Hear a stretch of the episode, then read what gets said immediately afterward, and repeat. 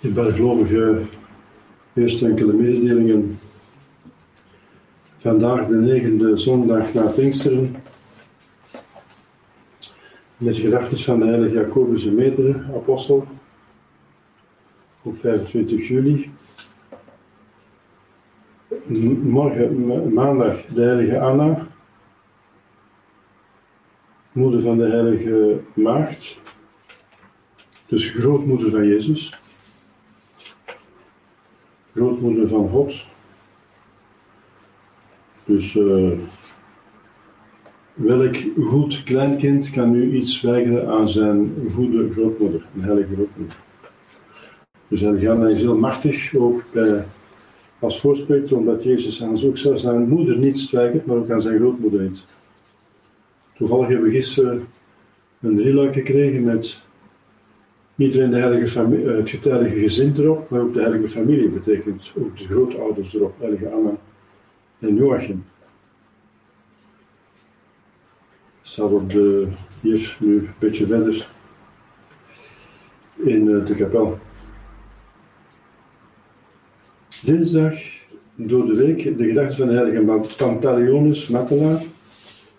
Woensdag de heilige Nazarius en Celsius Mattelaren en Victor de Eerste, paus en Matelaar, en Innocentius de Eerste, paus. Donderdag de heilige Martha, maagd, de patrones van iedereen die zich hier als vrouw heeft ingezet in de kapel om eh, te helpen, fysisch. Ze heeft ook Jezus uh, bediend. Ook al kreeg ze een opmerking dat ze eerst naar zijn woorden moest luisteren, zoals Maria Magdalena. Maar nadien heeft Jezus ook gebruik gemaakt van haar diensten. ja. Met de gedachten van de heilige Felix, Simplicius, Faustinus, Beatrix, Martelare.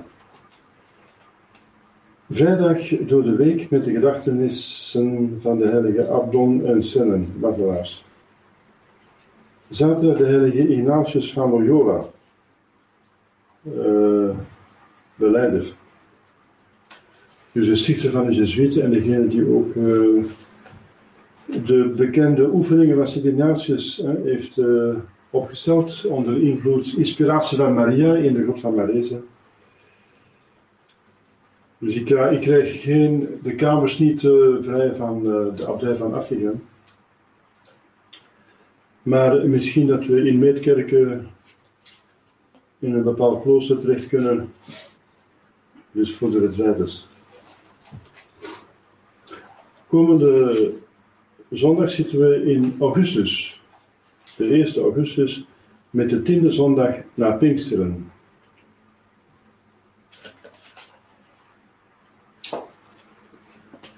Dus we zijn nu uh, in Opdorp een magazijn aan het leegruimen om daar eventueel een kapel van te maken. Dus omdat hier eigenlijk alles te klein geworden is. Nu zijn er weer minder mensen omwille van uh, het weer. Mensen, mensen hebben zich laten afschrikken door de weersverwachtingen.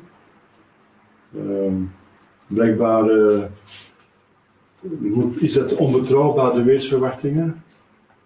Als er overstromingen zijn, dan waarschuwen ze mensen niet. En als ze de mensen waarschuwen, dan is er niks aan de hand. Dus vandaag er is nog geen druppel gevallen hier in Aalst. Dus uh, ik denk niet dat de weersverwachtingen zo betrouwbaar zijn. ik vraag gebed voor uh, ja, dat wij dus de kapel kunnen inrichten en ook, dus, ja, en ook tijden kunnen prediken als het nodig is. Dus ergens een plaats vinden die geschikt is en die betaalbaar is voor de mensen. In de naam van de Vader, de Zoon en de Heilige Geest staan. Die gelovige Jezus, het evangelie zien we wenen. Dat is merkwaardig, want uh, wenen is een uitdrukking van droefheid. En wat is droefheid, zegt Sint uh, Thomas van Aquino, Droefheid is een passie. Je hebt vier passies: de, de blijdschap, de droefheid, de hoop en de angst. Wel, de droefheid is een passie die zich voordoet bij de mens. Um, passies behoren bij uh, dierlijke, van uh, een engel een geest heeft geen passies. Passies heeft eh, te maken met het lichaam, maar heeft een geweldige invloed op de ziel. Het is een eh, wisselwerking met de ziel natuurlijk. De ziel en het lichaam hebben daar samen deel aan. Het oog weent, maar de ziel is droevig. Dat doet zich voor als men geconfronteerd is, als men staat voor een onomkomelijke kwaad, dat men, waar geen remedie voor is. Want anders uh, weten we niet, maar hebben we hoop. Als we, uh, voor een kwaad staan, dat we kunnen verhelpen, hebben we hoop. Uh, vrees is als we voor een kwaad staan dat er nog niet is, maar we zien het aankomen. En we hebben daar niet onmiddellijk een oplossing voor. Maar droefheid is als het kwaad er al is, het is er. Het is niet komende, maar het is er. En we hebben nog steeds geen oplossing voor. Dan verkeert dan. Uh, men kan kwaad worden, maar dat haalt niks uit. Kwaad, het kwaad, wanneer het kwaad worden, is er nog uh, hoop hebben op een oplossing. Als men kwaad wordt, dan neemt men wraak, is er nog een, hoop op een wraak, op een, de balans in evenwicht te stellen, maar droefheid is als er echt niks meer aan te doen is. En ik zeg het is merkwaardig, omdat Jezus almachtig is als God. Hoe kan een almachtige, want hij heeft twee naturen, hoe kan een almachtige droef zijn? Want hij heeft uh, eigenlijk een oplossing voor alle problemen. Met zijn almacht en zijn alwijsheid. Wel, omdat hij inderdaad voor een onomkoombaar kwaal staat waar geen remedie voor is. Er is niks meer aan te doen. En een verschrikkelijk kwaad.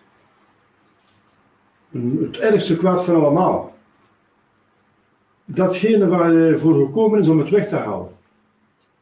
Hij is daar speciaal mens voor geworden. Hij is daar, heeft het verschrikkelijke lijden hier staat hij ervoor. Hij weet dat hij zal ondergaan. Ondertussen, wij weten dat het al 2000 jaar geleden is. Een verschrikkelijk lijden heeft ondergaan. Om dat kwaad weg te halen. Namelijk de zonde. Hij is hier geconfronteerd met de zonde. En waarom weent hij? Omdat het uh, inderdaad geen oplossing voor is. Waarom niet? Wel, omdat er een vrije wil is die per definitie vrij is. En zelfs God, gaat die niet manipuleren. Want dan is hij niet meer vrij. Wij hebben een vrije wil. Dat is ongelooflijk wat voor een gave dat wij gekregen hebben.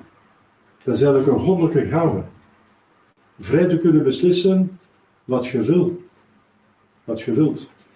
Dat is een buitengewone gave, dat is, een, ja, dat is iets goddelijks, dat, is een dat doet ons het meest gelijken op God. Wat ons het meest op God doet gelijken, is dat we ziel zijn, geest, verstand en vrije wil. Die vrije wil wordt door God gelijk. Maar God heeft die juist gegeven om naar Hem terug te keren. Wij zijn van men uitgegaan door de schep. Zijn geschapen. Maar men moet Hem terugkeren. Dat is onze bestemming. Het eeuwig geluk, dat is God. Maar dat moet vrij gebeuren. Want God is een geest en God is liefde en God wil dat het in liefde gebeurt. En liefde is vrij. Een gedwongen liefde is geen liefde. Het is vriendschap. De staat van genade is een staat van vriendschap, van liefde. En een staat van is een staat van dood, van uh, dood, van haat, die de, die de vriendschap doodt. En die de hel verdient. Want uh, als ze geen vriendschap hebben, is er geen eenheid. Want liefde zoekt eenheid, zoekt samen zijn. En haat wil scheiden. En de scheiding met God is de hel. Samen met God zijn is de hemel. Dus het is duidelijk. Dus Jezus staat hier voor een onomkoombaar kwaad. En de mensen maar zeggen, waarom doet God niks? Alsjeblieft, waarom doen de mensen niks? God is geen schuld.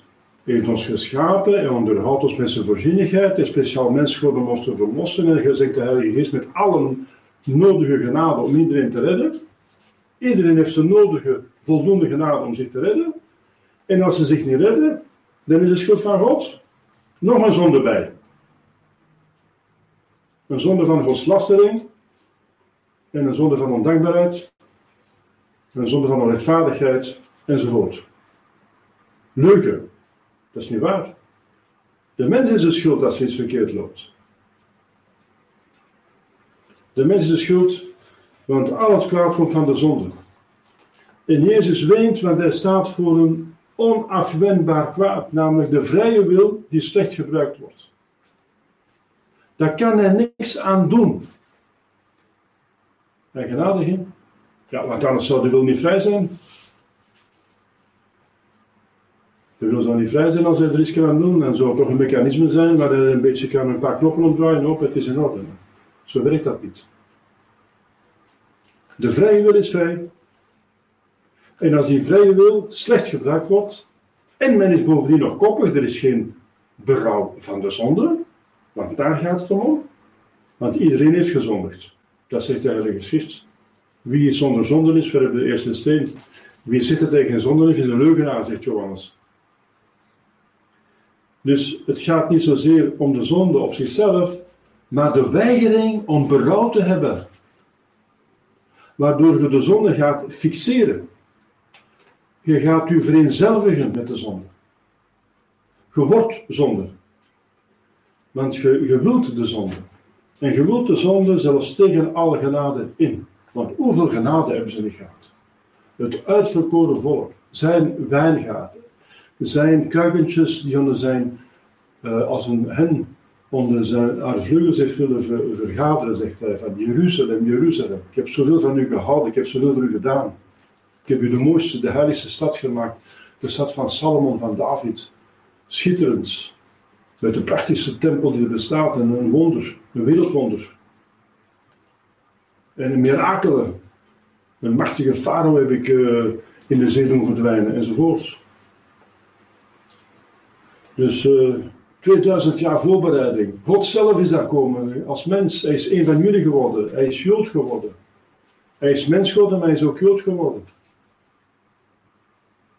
de zoon van Maria, afstammeling van David, is hij geworden. Hij heeft daar 30 jaar tussen het volk geleefd. Een voorbeeldig leven. Daarna drie jaar weldoende rondgegaan met een doctrine die nog nooit gehoord is in de ganse geschiedenis van de mensheid.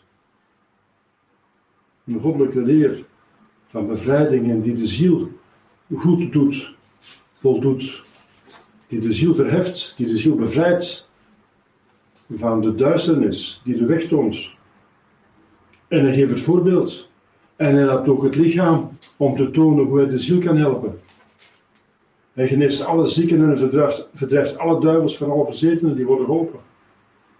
Alles heeft hij gedaan. Een voorbeeld van nederigheid, zachtmoedigheid. Maar hier zien we hem kwaad worden. Hij verjaagt uh, de kooplieden uit de tempel. Want hij probeert ze te bekeren. Het kwaad wat ik zeg, als je kwaad wordt, heb je nog een hoop ergens. Door, door, door, door, als, als liefde niet helpt, als de, de wortel niet helpt om de ezel te doen vooruitgaan, dan de stok misschien wel. Nee, de wortel op de stok. Dus. Jezus God probeert alles om ons gelukkig te maken, naar de hemel te brengen. Wel, hier geconfronteerd met een onomkoombaar kwaad. En dat is de zonde waar we geen berouw over hebben. Dat verdient de hel. Oh, dat doet mij aan iets denken. Uh, een zonde waar we geen berouw over hebben. Dat was juist het probleem van de barmhartige Jezus van Faustina. Dus een zonde waar we geen berouw over hebben, dat leidt ons naar de hel. En wat heeft de duivel dan uitgevonden? De mensen wijs te maken dat ze geen berouw hoeven te hebben. Dan gaan ze zeker naar de hel. Hij heeft een, heeft Jezus uitgevonden die alle zonden vergeeft zonder berouw. Er wordt nergens gesproken over berouw. Maar dat is juist de mensen naar de hel sturen. Want dat is juist waar Jezus over weet. Dat Jeruzalem geen berouw heeft over haar zonde. Zwaar zal gestraft worden. Nog nooit heeft iemand, hebben mensen zoveel afgezien, zegt hij, zullen ze zoveel afzien als bij de belegering van Jeruzalem. Waar de moeders uit honger zelfs hun eigen kinderen opaten. Zo'n ellende was het. Ze waren waanzinnig geworden, de mensen van van honger, vijf maanden zonder eten en helemaal omsingeld. En Titus zegt, ik word gedrongen door een, een, een, een overmacht. Er is een macht die mij dwingt om dat volk te straffen. Het is God die het volk straft, omdat ze zoveel genade, zoveel goedheid, omdat ze in hun zonde zijn gestorven. Zoals Jezus zegt, je zult in de zonde sterven, als je die bekeert. Dus het probleem is natuurlijk de zonde. Maar het ultieme probleem, het ultieme is geen spijt hebben van de zonde. Want wanneer gaat je naar de hel? Staat in de catechismus. Als je één of meer doodzonden uh, uh, verpleegd hebt, en wat is een doodzonde? Dat is een erge zaak, met volle kennis en volle toestemming. Maar dan kunt je nog vanaf geraken door doopsel, biecht, voor, voor van berouw. Dat is de bedoeling. Daarvoor is Jezus gekomen. Dan zegt hij, ben gekomen voor de zondaars, niet voor de rechtvaardig. Hij is daar speciaal voor gekomen. Maar als je, maar als geen rouw hebt van de zonde, en er komt nog halstarrigheid bij en koppigheid, dan gaat je naar de hel. Dus met de doodzonde gaat je niet sowieso naar de hel. Waarmee gaat je naar de hel? Door de koppigheid van je doodzonde. En daar heeft een duivel iets op gevonden, namelijk de bematte Jezus van zuster Faustina. Je hebt te maken met de grootste intelligentie van de geschiedenis en van de, van de geschiedenis van de schepping. De hoogste engel, die zijn verstand niet verloren heeft, maar die het nu misbruikt om de arme mensen te misleiden. De bematte Jezus van Faustina van Johannes Paul II. Degene die het Boeddha-beeld op het altaar heeft laten zetten in Assisi.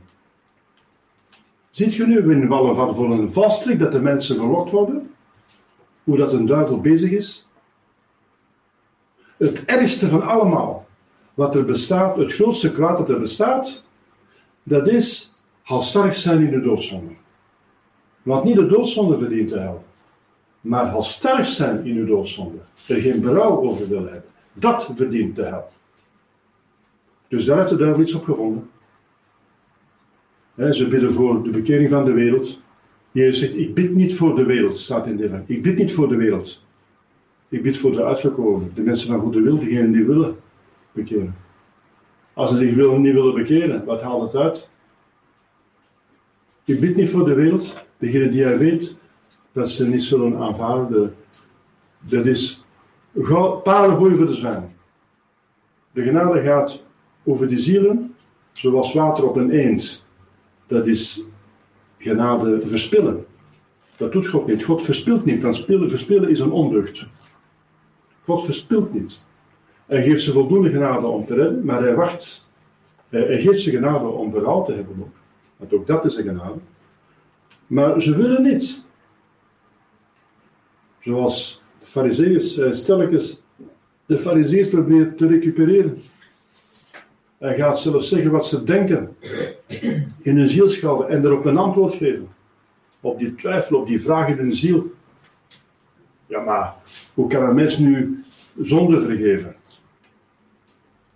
Denken ze, is er het niet eens gezegd? Jezus gaat zeggen, ik zal een mirakel doen om te wijzen dat ik een goddelijke missie heb. En hij doet een mirakel. Hij bewijst het. En toch nog niet willen aangaan. Dierbare gelovigen, dit is voor ons een zeer belangrijke les. Jezus gaat zich nog kwaad maken, want als je kwaad maakt, als je voor een, een, een kwaad staat dat je moeilijk niet of moeilijk kunt vermijden, ja, hij probeert ze nog, als het niet met liefdevolle woorden gaat, probeert het met kwaad worden. Dan gaan ze misschien door elkaar schudden. En je ziet hier ook dat als je niet trouw zet in het mindere, zult je ontrouw zijn in het meerdere. Als ze zelfs de voorschrift van het Oude Testament niet eerbiedigen, namelijk de tempel eerbiedigen, dat ze daar handel gaan drijven. Dat ze daar zitten roepen, ik ben de goedkoopste bij mij. Ze verkopen daar wel liturgisch materiaal, duiven, die moeten geofferd worden en zo. En uh, geldwisselaars, want ze komen van overal in de wereld en uh, ze, ze, moeten de offers kunnen betalen die ze willen brengen. Dus er zijn geldwisselaars en er is liturgisch materiaal. Maar dat behoeft geen handel te, worden, te gaan worden in de tempel. Het is weliswaar de voorhof van de tempel, maar het is wel een tempel. En Jezus gaat ze uh, twee keren, gaat hij in het begin van zijn uh, publiek leven en op het einde gaat hij twee keren die ingreep doen.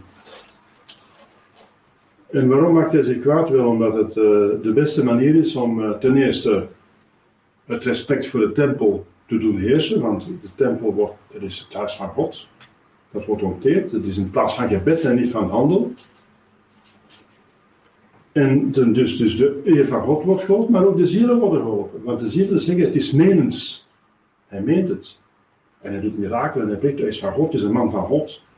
En hij is kwaad om, dus dan moet het wel erg zijn als wat we doen, als hij zo kwaad wordt. De bedoeling is dat ze gaan beseffen dat het erg is. Als hij zo kwaad wordt en hij zegt, vader, gij goed, betekent dat het erg is. Slechte mensen gaan zeggen, ja maar kijk eens, hij is opvliegend. Het is ondeugend. Dat is een slechte reactie. De goede reactie is, bewezen van de man van God te zijn, hij is heilig. En als hij kwaad wordt, dat is tegen dat wij het verdienen. Mea culpa. Wij verdienen dat. Wij moeten ons bekeren. Dus Jezus doet alles om de mensen te bekeren met goedheid. Maar als de goedheid niet helpt, ja, als de wortel niet helpt aan de stok, letterlijk gaat ze met eruit zwepen. Ja. Heeft alles gedaan om het voor te redden. Alles. En dat is het laatste. Het laatste hulpmiddel is kwaad worden en straffen. Dat is het laatste. En als dat niet helpt, is het helemaal verloren. Dat is het allerlaatste middel maar de, goedheid is het beste natuurlijk. Dat men uh, eerst luistert naar, een, naar een, uh, de leer die goedheid en zachtmoedigheid wordt verkondigd. Dierbare gelovigen, voor ons betekent dat uh, ons gewetensonderzoek te verzorgen. Wat moeten we doen? Wij moeten onze zonden onder ogen zien. Wie zegt dat hij zonder zonde is, is al een zondaar, is een leugenaar, een bedrieger. Hij bedriegt zichzelf, God en de priester in de biecht. Dus je hebt gezegd, we zijn allemaal zondaars. zien we onze zonde en onze ondeugd onder ogen. Dat vraagt nederigheid. De hoogmoed maakt blind. De hoogmoed is een overdreven liefde voor zijn eigen excellentie. Dat is hoogmoed. Als men zijn zonde niet goed ziet, betekent dat men hoogmoedig is. Dat is dan, dan, weet men meteen dat waar de ondeugd zit. De ondeugd zit dan in de hoogmoed. is men hoogmoedig. Men heeft vrede gesloten met zijn eigen ondeugden. Met zijn eigen zonde en men ziet ze zelfs niet meer. De balk in mijn eigen ogen zie ik niet. Ik zie wel de splinter bij de ander, maar de balk die bij mij die zie ik niet meer. Of nauwelijks. Dus dat wij ons uh, bezinnen over onze zonde. En ten tweede, daar een berouw over hebben. Dat is dus dat daar geen, zoals ik zei, een tact mee slaan met onze ondeugd. Ja, ik ben nu eenmaal zo, ik heb al in mijn leven geprobeerd te veranderen, het gaat moeilijk, het gaat niet. Dus de mensen moeten mij nemen zoals ik ben. En eigenlijk, God moet me maar nemen zoals ik ben. God is God, Hij is de baas, wij niet. Wij kunnen zijn wet niet veranderen. Wij gaan zijn wet niet veranderen. Dus een ernstig gewetensonderzoek, nederig, natuurlijk, en rekent op Gods Dat als je daar berouw over hebt, dat je dan meteen vergiffenis krijgt, hoe zwaar en hoe talrijk ze ook mogen zijn. Dat staat ook in de catechismus. Alle zonden worden in de biecht vergeven, hoe zwaar en hoe talrijk ze ook mogen zijn. Dus dat, is, dat, is, dat veel zeggen. Dus de grootste schurk van de geschiedenis, die kan nog vergiffenis krijgen als hij maar spijt heeft. Daar zit het in. Ziet je wat de duivel aanvalt, dat is meestal het belangrijkste. Want hij is verstandig. De duivel heeft dus alles gegeven. Een mooie Christus, er komen stalen uit zijn naad, wit en, en dat is het doopsel rood. Maar je ziet zijn hart niet. Je ziet zijn hart. Dus de, de Christus van Fossine heeft geen hart, die toont geen hart. Dat is ook dan teken aan de wand. Dus het toont geen hart. Uh, en uh, ja, er wordt nergens gesproken van spijt. En als je de mensen niet wijst op iets dat moeilijk is, dan doen het gewoon niet. En ze gaan dat niet vanzelf doen. Dat is de menselijke natuur. De menselijke natuur doet de gemakkelijkste weg. Dat is de natuur, de gevallen natuur. Dus als je de mensen niet wijst wat ze moeten doen, als het een beetje moeilijk is, dan doen ze het gewoon niet. Dan denken dat niet nodig is. We gaan ons niet nodeloos moe maken. Of zitten te pijnigen met allerlei uh, uh, gedachten die pijnlijk zijn voor ons. Dus er moet uitdrukkelijk gezegd worden aan de mensen dat ze spijt moeten hebben. Dat is een voorwaarde voor alle vergiffenis, zelfs voor het doopsel. Voor het doopsel moet je zonde niet beleiden, dat, is niet, dat wordt niet vereist. Maar wat er wel vereist wordt als er een volwassen gedoopt wordt, is dat hij wel spijt heeft over al zijn zonden. Hij moet ze niet beleiden, zoals in de biecht, maar hij moet wel spijt over hebben. Anders is de, de, biecht, de, de doopsel is ongeldig, is uh, werkt niet, heeft geen effect, niks. Je krijgt een doodzonde bij van heiligschennis. Dus zelfs bij, bij alle vergiffenis van de zonde, er komt geen onderuit, moet er een spijt zijn. Een berouw. Je hoeft dat niet te voelen, want daar hebben we geen uh, macht over, over onze gevoelens. Maar je moet het wel in de ziel willen. Je moet God willen, de wil van God willen, uh, inzien dat het verkeerd is, want het zo openbaard, heeft het in. Iedere zonde heeft ook iets slechts in zich, iets lelijk. Ook al zou ze bij onmogelijkheid toegestaan zijn door God, de zonde zal nog lelijk zijn. Dus uh, de honden moeten we haten, spijt over hebben. Beloven nooit meer te doen, al liever te sterven dan nog te zonden. Liever de marteldood ondergaan dan te zonden, vooral de doodzonde. Maar Johannes van het Kruis zegt over liever sterven dan een dagelijkse zonde doen. Dat is wat anders dan die geest in de straten die er maar op los zondigt. Maar die lopen naar de hel. Zoals Maria gezegd heeft in Fatima. Die lopen naar de hel in massa. Het is de Heilige Geest die overtuigt van zonde. Wil die gelovigen, uh, verzorgen wij goed ons gewetensonderzoek erkennen we onze zonden, onze ondeugden. Je moet ook niet scupuleus worden, je moet in de waarheid blijven, maar ook de waarheid, niet overdrijven langs links, niet langs rechts. De waarheid Het is dat wat telt. En dan spijt over hebben. En dan het middel nemen. Dan kunt je naar de biecht. Want de biecht vraagt beleidenis, zonder zeggen, en spijt hebben. En dan ook de penitentie aanvaarden, zonder opstandig te zijn. Die bijgelovigen, dat is een weg naar de hemel. En dat heeft Jezus verlangd voor Jeruzalem, Jeruzalem. Jeruzalem, Jeruzalem. Ik heb zoveel voor u gebeden. En hij weent. Jezus weent over Jeruzalem. Dat betekent ook hoeveel hij, hoeveel hij lief heeft. Want je weent alleen maar over iets kostbaar dat je kwijtspeelt. Over een kwaad dat een goed verhindert. Bij gelovigen vragen we die genade aan de Moeder Gods, die alle genade altijd zelf perfect heeft gebruikt, volmaakt heeft gebruik van gemaakt. Zij had geen berouw over zonde die ze niet bedreven had, maar uh, zij betreurde de zonde, alle zonden. En ze was dankbaar aan Jezus dat zij de genade had gehad om vrij te zijn van de erfzonde. Maar ze was zeer voorzichtig om niet te zondigen. Ook zij had een vrije wil. Maria heeft een vrije wil. In principe kan ze zondigen. Ze kan nee, een vrije wil zeggen, ik kan ja zeggen en ik kan nee zeggen. Ik ben vrij. Maria was vrij, is nog altijd vrij. Dat is toch een voorbeeld van iemand die altijd ja zegt aan de genade. Altijd. Kosten wat het kost, kost het het uh, martel. Zij is niet doodgemarteld fysisch, maar moreel is ze doodgemarteld. Toen dat ze het lijden van Jezus heeft meegemaakt. Een moeder die haar kind ziet martelen, wordt vanzelf gemarteld van binnen. Zij is dus doodgemarteld in haar hart.